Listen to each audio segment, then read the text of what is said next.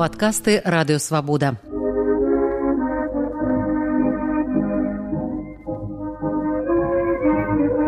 Сто гісторый пра БНР Сергеем шупам.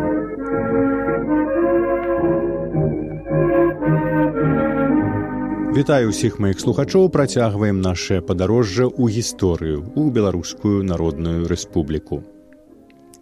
Пад канец траўня 1920 у рыгу з розных канцоў Еўропы з'ехаліся амаль усе кіраўнічыя асобы БНР, сябры прэзідыуму рады БНР і рады народных міністраў.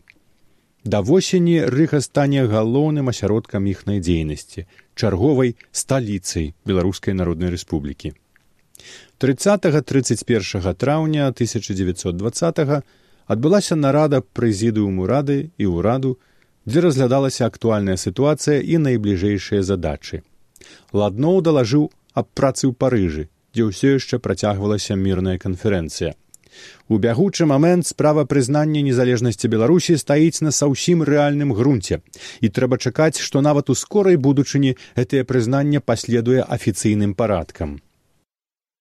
Бадунова расказала пра перамовы якія яна ў сакавіку вяла з бальшавікамі у тым ліку з наркамнацам сталіным у москве там ёй заявілі расплывіста што калі народ зажадае незалежнасці на мясцох яна будзе дадзена. Было вырашана дамовіцца з урадам латвіі аб тымчасовым побыце ўраду бнр у рызе. Абмяркоўвалася грашовае становішча грошай не было. Рыхтаванай дэлегацыі ў савецкую рассею было даручана весці перамовы аб дзяржаўнай пазіцыі на суму пятьдесят мільёнаў рублёў. БНР прасіла аб пазіцыі ў бальшавікоў.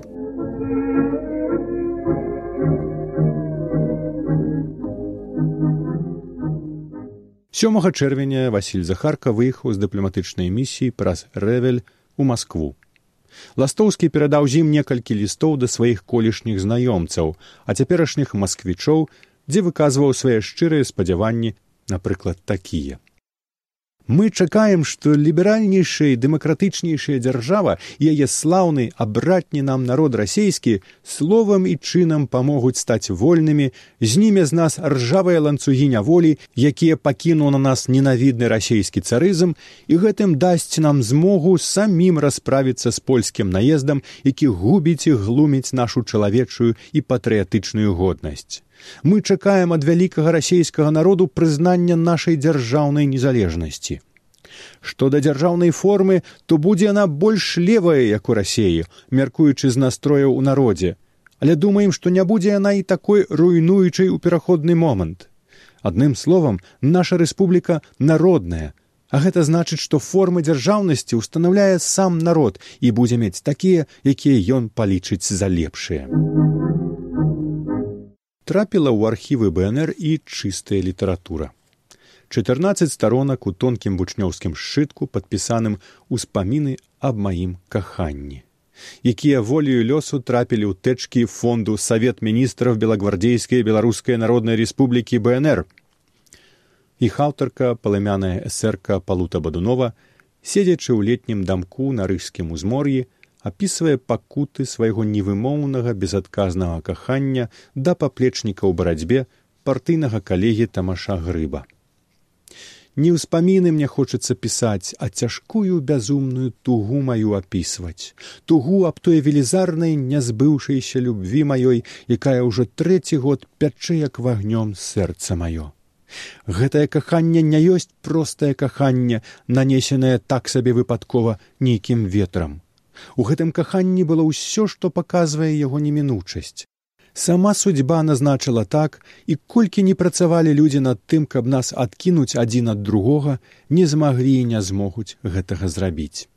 Мы спаткаліся з ім на адным з беларускіх з'ездаў воінаў заходняга фронту. З'езд ужо скончыўся, засядаў камітэт.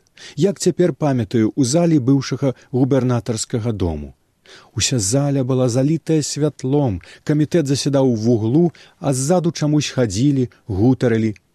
Оось к сталу, узяўшы слова ў старшыні, падышоў малады ваенны, судзячы па нашыўках вольна апрэдзяляючыся. Калі пачаў гаварыць тамаш, Тады я яшчэ не ведала, што яго так завуць і яшчэ больш не ведала, што гэтае імя для мяне будзе такім дарагім у будучыні. Я неспадзеўкі падняла вочы і глянула на яго. Длінныя каштанавыя валасы, бакі, бледны твар і рэзкай формы схадзячыяся над носам бровы рабілі адразу яго заметным сярод другіх. Самае сільнае ўражанне зрабілі на мяне яго вочы пачці неземная дабрата ціхая грустная насмешка над суятой зямной так і глядзелі з глыбіні ні то карых ні то шэрых вялікіх вачэй яго вот каго можна полюбіць до конца буквально такімі словамі і на гэтым на жаль успаміны абрываюцца. Пакуль беларускія незалежніцкія палітыкі дыхалі ў рызе балтыйскім паветрам у беларусі наспявалі важныя падзеі. Чырвоная армія здолеўшы да вясны два году разбіць амаль усе спробы белага супраціву на ўсходзе поўначы і поўдні вызваліла дастаткова сілу каб заняцца захадам на світанні чацвёртого ліпеня заходні фронт пад камандай двадцатісемігадовага михаила тухачеўскага распачаў наступ па ўсім фронте ад дзвіны да прыпеці у канцы месяца чырвоныя былі ўжо на бугу прасунуўшыся амаль на 400 кіляметраў. 11 ліпеня палякі пакінулі Менск. Гэты дзень у міжваеннай БСР адзначаўся як дзень вызвалення з парадамі і народнымі гуляннямі. Першы народны сакратар юстыцыі БНР Яўхім Бялевіч апісваў тыя дні. Пішу ў вельмі цяжкіх умовах, калі навокал паніка і ўсё бяжыць, фронт прарваны і палякі зусім пакідаюць Менск да канца ліпеня уся беларуская тэрыторыя зноў апынулася ў руках бальшавікоў. З ваеннымі поспехамі бальшавікоў на захадзе урад бнр беларускія эсеры і беларускія незалежнікі на агул як магчымыя саюзнікі ў вайне з польшчай страцілі для москвы якое б там не было стратэгічнае або тактычнае значэнне Ужо 12 ліпеня ў Маскве была падпісаная расійска-літоўская мірная дамова, паводле якой літве адыходзілі беларускія землі аж да маладэчна разам з горадняй лідай і браславам. У часе падпісання дамовы пасланы весці перамовы ў Маскве Васіль Захарка марна чакаў недзе ў калідорах наркомындзела вырашэння справы, якая бальшавікоў ужо перастала цікавіць. Тэрыторыі па ўсходні бок мяжы паводле дамовы адышлі да рсфср ніякая беларусь ні ў якім выглядзе ў дамове не згадваецца васіль захарка яшчэ будучы ў москве адрэагаваў на падпісанне савецка-літоўскай дамовы нотай пратэсту дзе заявіў з'яўляючыся паўнамоцным прадстаўніком беларускай народнай рэспублікі я ад імя майго ўраду складаючагася ў большасці з левых беларускіх сацыялістаў уступіўшых у рэвалюцыйную барацьбу за вызваленне беларусі з-пад усіх акупацыяў лічу сваім абавязкам заявіць перад урадам расійскай сацыялістычнай федэратыўнай рэспублікі рашучы пратэст супраць уступкі клерыкальна-буржуазнай літве беларускай тэрыторыі. Хачу верыць што такі несправядлівы ў адносінах да беларускага народу акт не атрымае аканчальнага зацверджання і што заканчальнай пабедаю чырвонай арміі радавай рассеі над панскай польшчай вызваленаму працоўнаму беларускаму народу будзе дадзена незалежнасць дзеля рэальнай мажлівасці здзяйснення нацыянальна-палітычнага і сацыяльнага адроджання. З пратэстамі рассеі і літве супраць гандлю беларускімі землямі выступіў і ўрад бнр але адрасаты калі пачулі іх ужо мала на іх зважалі А што было б, калі б літва ў межах дамовы два году стала рэальнасцю? Ці здолела б яна асіміляваць значную беларускую меншасць, маючы асіміляцыйны патэнцыял істотна слабейшы, чым расейцы або палякі? Што магло б вырасці з той падлітоўскай беларусі? Як бы выглядала вільня і на якой бы мове яна гаварыла? Пакінем гэтае пытанне аматарам альтэрнатыўнай гісторыі.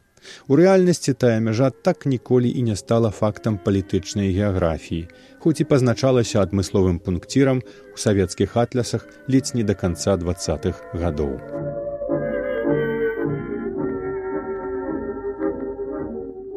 Выслухалі падкаст радыёвабода.